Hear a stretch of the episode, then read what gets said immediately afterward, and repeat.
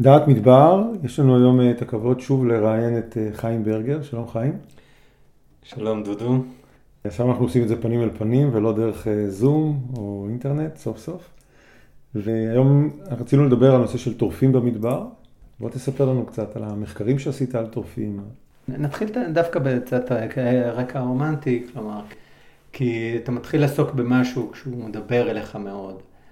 והעיסוק שלי בטורפים התחיל אה, מטיול באפריקה, ותצפיות ארוכות על, אה, על טורפים בעיקר, שזה להקה של לביאות או, אה, או צ'יטה והגורים שלה, ובתצפית אתה רואה משהו מדהים.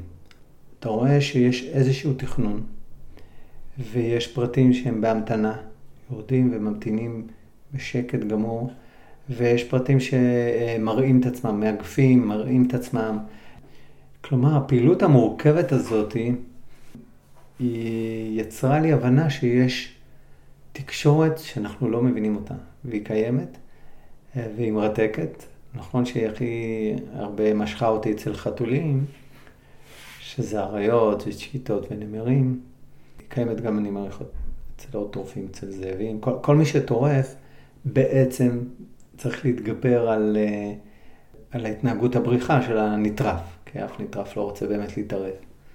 לכן הוא צריך לפתח אסטרטגיה, ובקבוצה זה הרבה יותר מורכב והרבה יותר קשה, ודורש שילוב כוחות והבנה מה האחר רוצה לעשות.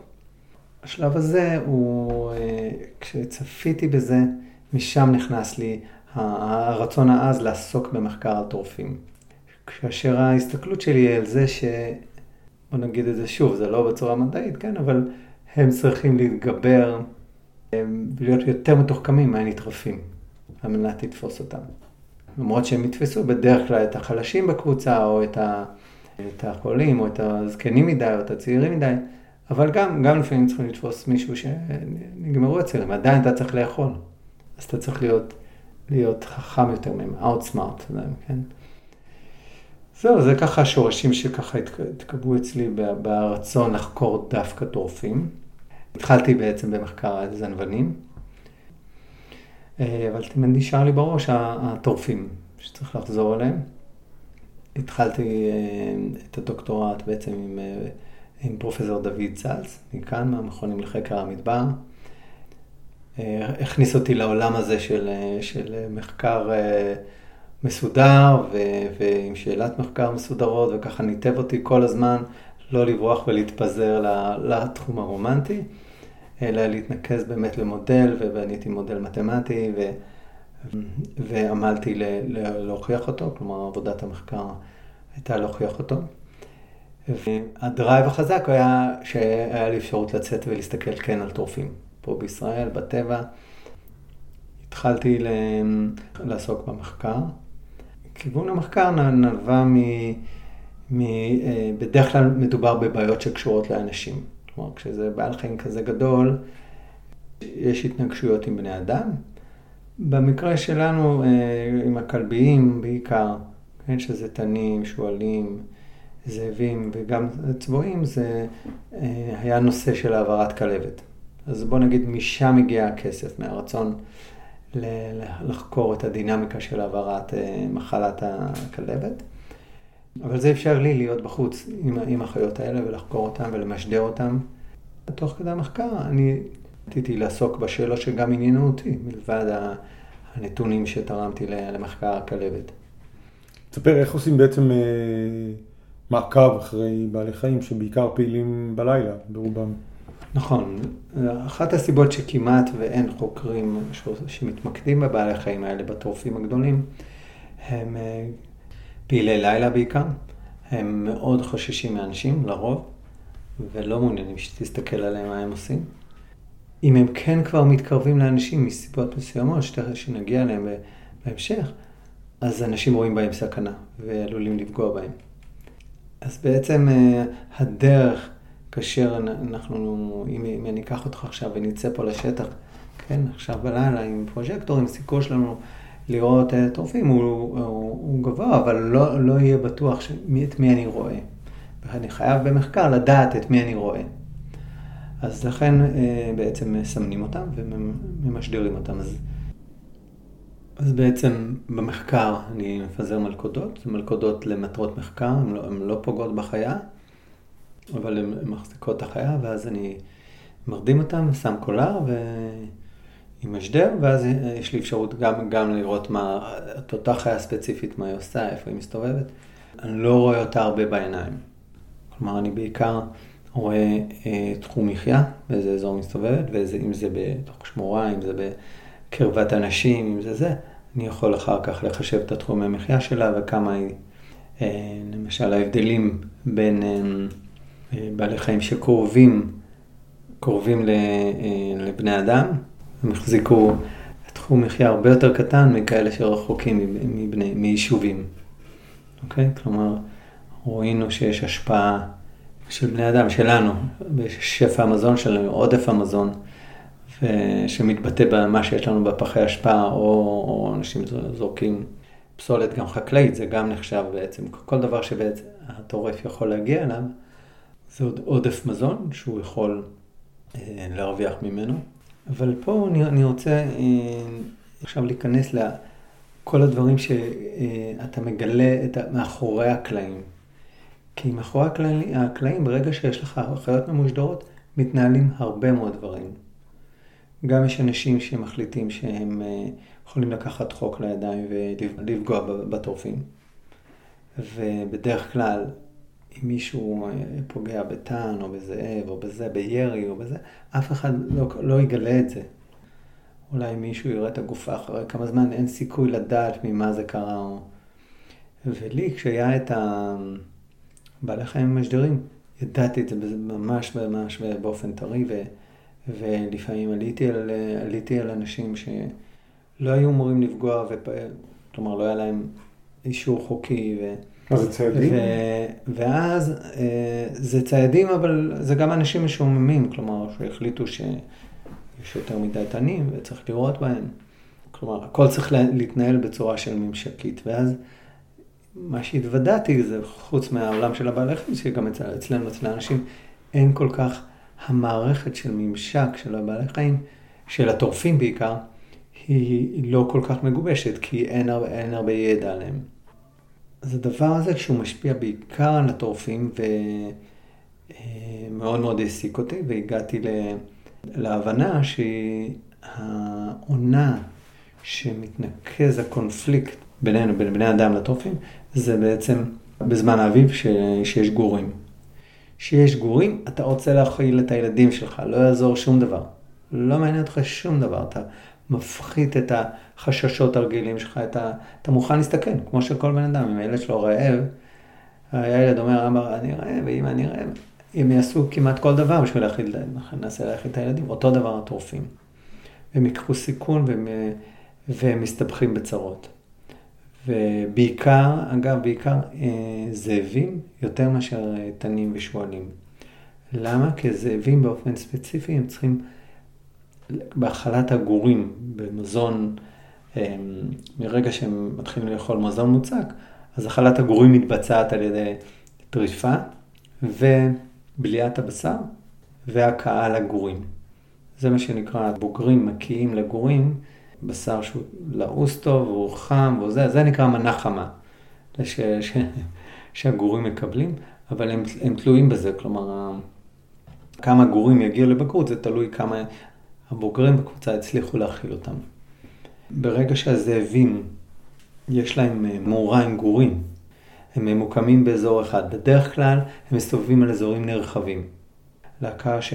שחקרתי פה, הם היו שמונה זאבים, הם הסתובבו על 300 קילומטר מרובע. שזה נגיד כל גוש דן, תחשוב מבת ים עד נתניה, כן, אזור עצום, במרכז חיים מיליון אנשים, פה שמונה זאבים. למה הם צריכים אזור כזה גדול? הסיבה היא לא, לא הכמות של האוכל, כן? כי יש פה מספיק, בשטח כזה עצום, יש מספיק אה, קבוצות יעלים, עדרי יעלים ועדרי צבעים ומספיק נפח לאכול. הבעיה היא שזאב לא מנסה לצוד ככה סתם. הוא לא פשוט מתחיל לרוץ אחרי יעל, אלא הוא עושה הערכת, הערכה של הסיכויים שלו להצליח בציים. אם הוא הצליח או לא הצליח, היעל, העדר היעלי משנה את ההתנהגות ומגביר את הדריכות. ויג'ילנס זה באנגלית. כלומר, אני, אני למשל, כשאני מסתכל על יעלים, אני יכול לדעת מתי הם נחשפו פעם אחרונה לטורף. כאילו אפשר ממש ממש לכמת את זה, לדעת כמה פעמים, אה, כשאתה מסתכל על היעל, אתה רואה, הוא אוכל, אוכל, אוכל, הוא עוצר, ואז הוא עושה סריקה על הצדדים, וממשיך, ממשיך. אז כמה פעמים בדקה אני יכול לדעת מתי החשיפה, כן, חשיפה לטורף זה, זה יכול להיות ניסיון טריפה. עכשיו, הם לא נשארים ברמת דריכות הזאת כל הזמן, כי זה סטרס וזה, וזה קשה. אחרי שבוע, שבועיים, ירדו חזרה לרמת uh, שגרה. הזאבים בעצם יעשו סיבוב בטריטוריה ויחזרו שוב אליהם. לעומת זאת, כאשר יש להם גורים, להקת הזאבים לא יכולה להתרחק יותר מדי, צריכה להישאר ברדיוש מסוים ולחזור, אמרנו, להכליל את הגורים. עכשיו, כשהם נשארים ברדיוס מסוים, כל החיות בר באזור יודעות, הנה הזאבים פה, לומדות, אמרנו, מגביר את, את האלרט שלהם, את הדריכות שלהם, את הוויג'ילנס, ואז קשה להם הרבה יותר לצוד. ואז הם הולכים לפתרון הקל. הפתרון הקל זה... אה, קרבת אדם. קרבת אדם, והכי זה מי שנחשבים למכניסי אורחים, וזה הבדואים. הבדואים באמת מכניסי אורחים, אבל לא בדיוק מכניסי זאבים, אף אחד לא רוצה שהזאב יטרוף לו את העדרים. וגם יש טריפות בעל, אצל בעלי עדרים יהודים, כן, זה לא בהכרח רק אצל הבדואים. וקשה להתמודד עם, עם טריפות כאלה. מה שקורה, ההתנהגות של הזאב בטריפה בתוך מכלאה, כאשר הוא קופץ לתוך הגדרה פנימה, הוא עושה התנהגות שהיא טבעית מבחינתו, וזה נקרא overkill, הרג יתר. מה הכוונה? הוא נכנס, יש במכלאה 10, 15, 20 עזים, הוא יהרוג את כולם. או שני זאבים נכנסים, לא משנה, הם יהרגו את כולם, והם יאכלו רק אה, פולקה של אחד. זו ארוחה שהם יכולים לבלוע. אז בבוקר בא הבדואי, הרגו לו את כל העזים. זה גורם לכך אה, שאתה לא מחבב זאבים. ההתנהגות היא טבעית, אני מבחינתי מבין את הזאב, כלומר, מה הוא עושה. הרי אמרנו, כשקשה לו, הוא חושב את הסטטיסטיקה, ואז הוא, הוא לא ינסה סתם אה, לצוד שוב ושוב את אותו עדר יעלים, כי הם ברמת דריכות גבוהה.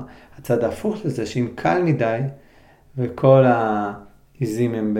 רק תיתן עוד ביס וכבר הרגת את העז הבאה, אז אתה, אתה מתפתה, כן. ואתה אומר, עכשיו יש לי אוכל לשבוע, אתה לא, יכול, לא יודע שבבוקר יבוא הבדואי ויחטוף את הג'ננה. אני מנסה עדיין לאורך תקופה ארוכה לשכנע את החיבור הזה, כשאני ראיתי אותו קורה בעיניים שלי, כלומר, כי זאב שלי הורעל, ומצאתי אותו, אמרתי לך, עם המשדר, אני יכול לדעת מה קורה. מצאתי אותו באיזה נחל נידח, אין סיכוי שאפשר למצוא אותו ככה סתם, כי כשבעל חיים הוא לפני מוות וזה, הוא לא בדיוק בא וצועק לפני בני אדם, תקשיבו, הרעיל אותי. הוא מחפש מקום נידח ל... ל, ל הרגעים האחרונים שלו, והוא היה מוסתר נורא, רק עם הקולר מצאתי אותו. עם מצב גרוע מאוד כמובן, כי זה מתפשט במערכת אה, האקולוגית ומגיע בסופו של דבר לנשרים. והיו לנו מעט יחסית הרעלות של נשרים בדרום, אבל אני תמיד אומר, האקדח המעשן הזה של, של ההרעלה הוא תמיד מכוון לראש הנשרים, וזה יקרה. היום יש לנו כאן בבקעת סין את מרבית נשרים בארץ. כאילו מרבית הכינונים מרוכזים פה בנחל סין, בעין עובדה, בעין עקב, בנחלים. ומסביב יש לנו טורפים שהם כל הזמן בקונפליקט עם אנשים. לכן צריך לעשות התערבות, ליצור גם דו-שיח עם הבדואים, גם לתת להם תמיכה. כדי להתמודד עם הבעיה. כדי להתמודד עם הבעיה, בדיוק, בדיוק. לפעמים התמיכה היא פשוטה, לפעמים צריך רק לתת עצה איך לעשות את הגדרה יעילה נגד אה, זאבים. זה לא לעשות גדר כמה שיותר גבוהה, כי, כי כשבא זאב, אמרנו שוב, הוא, הוא צריך להכיל את הגורים, לפעמים הוא בעצמו לא אכל איזה יום-יומיים. הוא יבוא על כל גדר, כל אורך, הוא יכול לרוץ, לטפס שלושה ארבעה מטרים. לטפס פנימה, תפוס את הזה, אוכל זה, קופץ החוצה בלי בעיה. אז, אבל אם אתה שם על הפסים של תיל למשל, בחלק העליון, אז הוא לא יכול לטפס על התיל, הוא יכול לטפס על רשת דווקא עם ריבועים, שהיא לכאורה נראית מגינה יותר. וגם אתה עושה את זה עם בליטה, עם בליטה כלפי חוץ, את, ה, את החלק החיצוני. ושמלה, אנחנו קוראים לזה למטה, שהוא לא יכול לחפור מתחת, כשהוא בא מבחוץ. אז, אז צריך לעסוק ב... ב בממשק הזה. ממשק, בדיוק. ממשק זה כולל את האנשים. אין מה לעשות, הם חלק מהמשוואה וצריך לדבר איתם. כשאנחנו שומעים על הסיפורים האלה שהיו בקיבוץ עין גדי, שזאבים נכנסו, אז אנחנו בעצם מדברים על אותה תקופה שהיא אביב, שבהם הם בעצם רוצים להאכיל את הגורים שלהם, והם בעצם מתחקים לתוך ה... אה, שם זה מעניין, זה, היה, זה היה קצת יותר הלאה, דווקא זה היה מאביב, אפריל, מאי, יוני, יולי. אה, קרה שם דבר מדהים, כי קודם כל אני אה, הייתי שם בביקור משפחתי, טיילנו, טיילנו בנחל צאלים. בלילה הילדים שלי... הגדולים, שניים הגדולים אמרו לנו שאני בחוץ, חוגי סערו לזה, מה בתוך אוהל עם, עם ההורים הזקנים והיל, והילדות הקטנות, אנחנו רוצים לישון בחוץ. ישנו בחוץ, מה הבעיה, ישנים על מזרון וזה. בארבע לפנות בוקר, הבת שלי אומרת לי, אבא, יש פה זאב. ראתה, ראתה כבר זאבים בחיים. אז אני יוצא עם הפנס, אני נעמד, אז רק אור מאיר עליו. אתה יודע, נעמד בן אדם, זה, הוא לא בורח.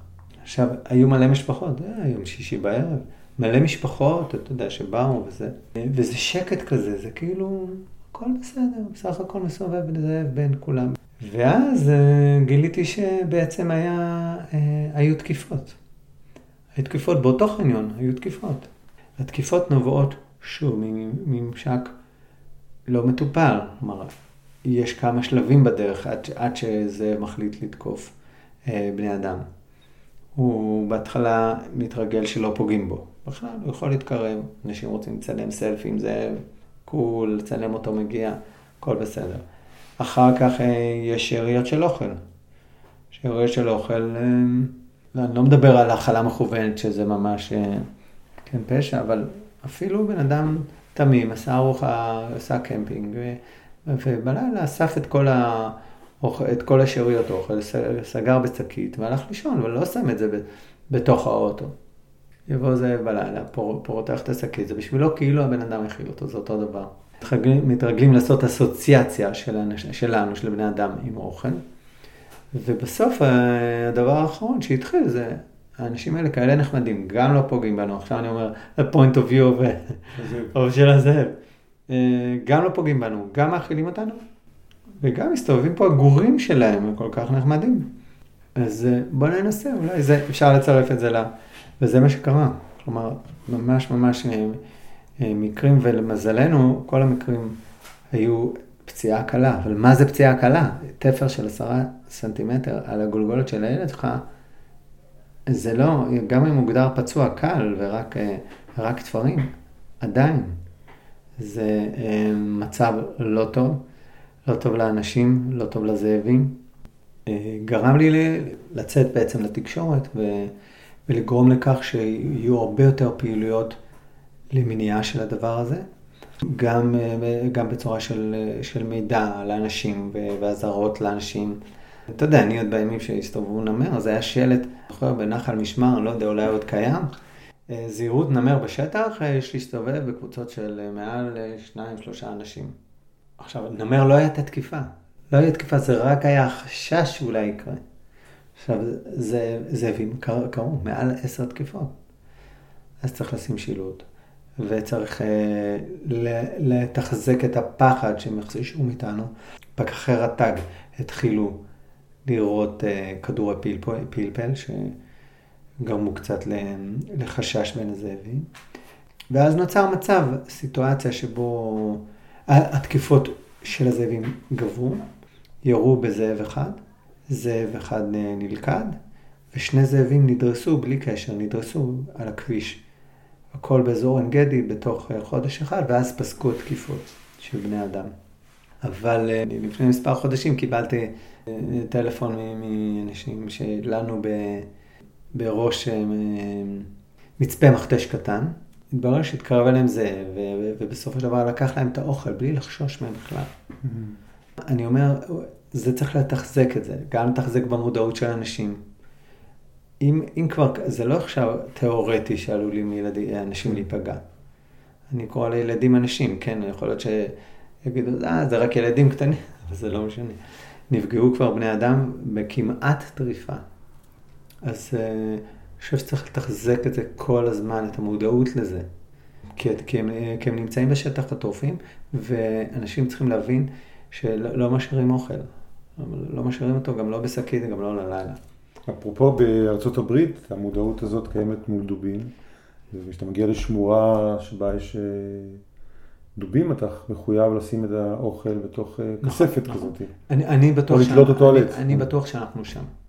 ועוד לא הצלחתי לשכנע את, ה, את רט"ג שצריך לעשות את זה, אבל קיבלנו את האותות הזרע, כמו שאמרתי, הקטנים. אנחנו לא צריכים שזה יעלה לנו ממש באסון. זה מספיק מה שקרה. זה אמנם היה לפני שנתיים. אני, אני לא יודע אם מישהו עוקב אחרי המצב כרגע בחניונים. זו עבודה מאוד קשה, כי צריך להציב מצלמה בתוך החניון ולראות אם מגיעים, לא מגיעים ולעקוב אחרי זה. זה עבודה, עבודה קשה. אני לא אומר שזה דבר פשוט, הממשק הזה, אבל הוא חייב להתבצע. האתגר שלי הוא כן, כן להגיע לפתרונות ש, שיגרמו לזה להתרחק. אני חושב שיש אתגר לעשות את זה. אפשר לגרום להם לחשש, להעלות חזרה את החשש. אבל זה דבר שצריך לתחזק אותו כל הזמן. צריך לתחזק אותו וגם להסביר לאנשים. לתחזק אצל האנשים ולתחזק אצל הזאבים. העולם הזה של הזאבים הוא כל כך מורכב, כל כך אה, מרתק לראות אותו. ולראות את ההתנהגות הטבעית, אנחנו לא צריכים את ההשפעות השליליות שיש לנו עליהן. ואגב, באותו, באותו מסגרת אנחנו צריכים לפתוח אה, אה, גם את אה, סיפור הצבועים. זאבים אין לנו במרכז הארץ, אבל צבועים יש לנו, גם במודיעין, גם במושבים אה, בשרון. אני רואה את זה כבעיה של ממשק ושמירת טבע. אני, אני רואה גם את הצד של האנשים וגם את הצד של, ה, של הבעלי חיים, כי מרגע שתקרה תקלה חמורה, אז אנחנו נהיה במקום אחר שאנשים יסתכלו על הבעלי חיים האלה. ולי הם חשובים, הם חשובים שהם יישארו מרשימים. ואנחנו היום שיוצאים לטייל במדבר ואתה רואה צבוע במקרה, כן, אתה רואה אותו בשטח, זה, התחושה היא שהנגב עוד פראי והבעלי חיים עוד קיימים פה. וזה נותן לאנשים תחושה מאוד מאוד חזקה שיש פה טבע פעיל וחזק ומכוון אותם לשמור לשמור על הטבע. אם אנחנו לא נגיב לממשק שלא לא נעשה כמו שצריך, אז uh, נגיע למקומות לא טובים. האם גם צבועים תוקפים או שזה רק זאבים? או שאנחנו בעצם לא יודעים עדיין, לא, לא, לא אה, חווינו את זה? לא היה מקרה מתועד של תקיפה של צבוע בבר, כן היו מקרים של, של צבועים בשבי? גם בחי בר אלבטר, גם בגן הזיאולוגי באוניברסיטת תל אביב, אבל יש אה, בהודו, המין הזה הוא... כן. זה לא... רק עניין של זמן, שזה גם יכול לקרות. אני לא, אני, שוב, אני לא רוצה להיות המנבא הזה, אנחנו צריכים לפעול בחוכמה לפני שזה קורה. כלומר, יש כרגע צבועה, למשל, במודיעין. אה, אני, אני רואה סרטונים שאנשים צילמו, ישר אתה רואה שיש בעיה, כי בסרטון היא לא חוששת בכלל מהבן אדם. היא לא, חוש... היא לא מראה שום חשש, היא הולכת בקרבתו. הבן אדם הולך אחריה, היא לא, היא לא מזרזת את הצעדים שלה. אה, וקל לגרום לה, יחסית, קל, היא משדר. אני, בוא נגיד ככה, אני עשיתי את זה, כש, כשאני עשיתי את המחקר כאן, הייתה לנו צבועה שהייתה נכנסת לתוך המדרשה, וצבועה עם uh, קולר. אנשים ראו אותה, והלכתי עם, עם הפקח, והפקח בא עם uh, רובה שעושה רעש, ו, ופשוט כל פעם שאני שמעתי אותה, במקלט שהיא בקרבת מקום, הערתי את הפקח והלכנו ורדפנו אחריה והיא מהר מאוד למדה שאנחנו לא נחמדים אליה. כאילו בסך הכל עשינו רעש, לא פגענו בה, לא חמנו לזה, אבל גם רצנו אחריה וגם עשינו את החזיז הזה שעשה את הרעש, ו... וזה גרם לה ל... לא, לא להישאר כאן. הם צריכים לחזור לתהליך הזה ההפוך. תראה, אני לא אגיד לך שאפשר להגיע ל-100% סטריליות, אבל אם היא תיכנס רק ב-2-3 לפנות בוקר, וכן, אנשים עדיין ישאירו זה ואת זה, גם קשה לחנך, או, או יאכילו את החתול או את הכלב בחוץ. היה לי פעם מקרה ש... אחת הצבעות אה, חקרתי, לפני שאני יוצא למעקב אחריה, אני בודק את המקלט, אם הוא טעון, אני בודק אותו בבית. אז אני מדליק, אני שומע את העוצמה החזקה, כשזה לא מחובר לאנטנה לא לכלום, זה אומר שהיא מאוד מאוד קרובה. אני מסתכל מהחלון של הבית, היא נמצאת ממש לידי, כאילו בחצר של הבית. באה לעשות מחקר אה, עליי. ואז יצאתי מסביב והלכתי ככה בעדינות, ויש לי עכשיו את המקלט, אני יכול לעקוב אחריה. ואז ראיתי מה היא עושה. קודם כל, שהיא מכירה את כל השבילים וכל קיצורי הדרך, אה, כאילו שהיא בת בית, והיא הולכת באמת אה, אצל אנשים שמשאירים אה, אפילו כמה גרגרים של, של, של דוגלי, של אוכל כלבים או משהו, זה המון בשבילה. היא עוברת וכמו שואב אבק, כאילו מוציאה, מנקה ועוברת הלאה. אז הדבר הזה הוא, הוא צריך להיפסק, או, או שהיא תעשה את זה בשעת לילה מאוחרת שאין אנשים לחלוטין, והם יודעים מתי יש אנשים, מתי לא. כאשר, כאשר כן, אנחנו לא נוכל לגמרי לסגור את עצמנו, ו... אבל זה ימנע את הקונפליקט, וייתן לנו את האפשרות להמשיך ליהנות בלי החשש הזה של, של הקונפליקטים. האם יש גידול מתמיד באוכלוסיית היונקים, הטורפים? יש, יש גידול, אבל אה, מה, שנות, מה שנוצר זה סיטואציה שיש אה, התחזקות של מין אחד הרבה יותר מאחרים. וזה התנים.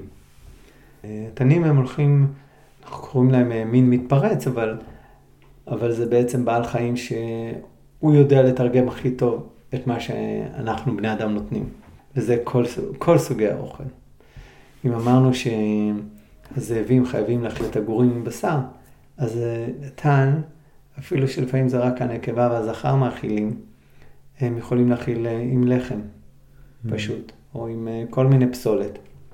זה גורם לזה שהם יותר מוצלחים ברבייה מאשר, מאשר הזאבים, כי יש להם פחות תלות בבשר ממש, והם הרבה יותר אה, אה, אופורטיוניסטים במקורות המזון שלהם.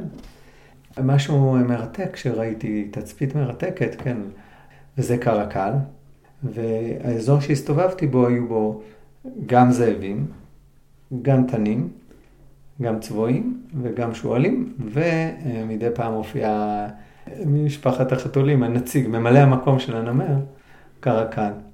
ואז הייתה לי סיטואציה מרתקת בשטח. אני שומע אה, נביחות הזרה של התנים ושל שועלים. זה שתי נביחות שונות, אבל מי שרגיל לשמוע אותם, אני יודע שגם אלה צועקים וגם אלה צועקים. אמרתי, אם גם נתן וגם השועל, יש טורף יותר גדול, בוא נלך לראות מי זה.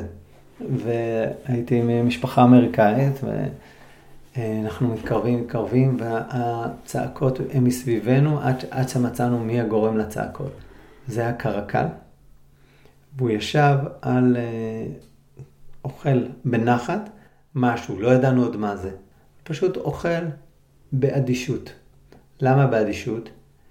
כי מצד אחד אנחנו אנשים עם רכב, מצד שני מסתובבים סביבו תנים ושואלים ומתקרבים אליו בנעמות, בצעקות, בנביחות אזהרה. הוא אדיש, אוכל כאילו אני המלך. רק אחרי שהוא סיים, הם לא ניגשו למה שהוא אכל, אלא הם המשיכו לנבוח עליו, כאילו הוא שיבש שם משהו בתפיסה שלהם. הם הולכים, אני שומע אותם מתרחקים, מתרחקים, מתרחקים. אמרנו, טוב, נראה מה הוא אכל. הגעתי לראות מה הוא אכל, הוא אכל שועל.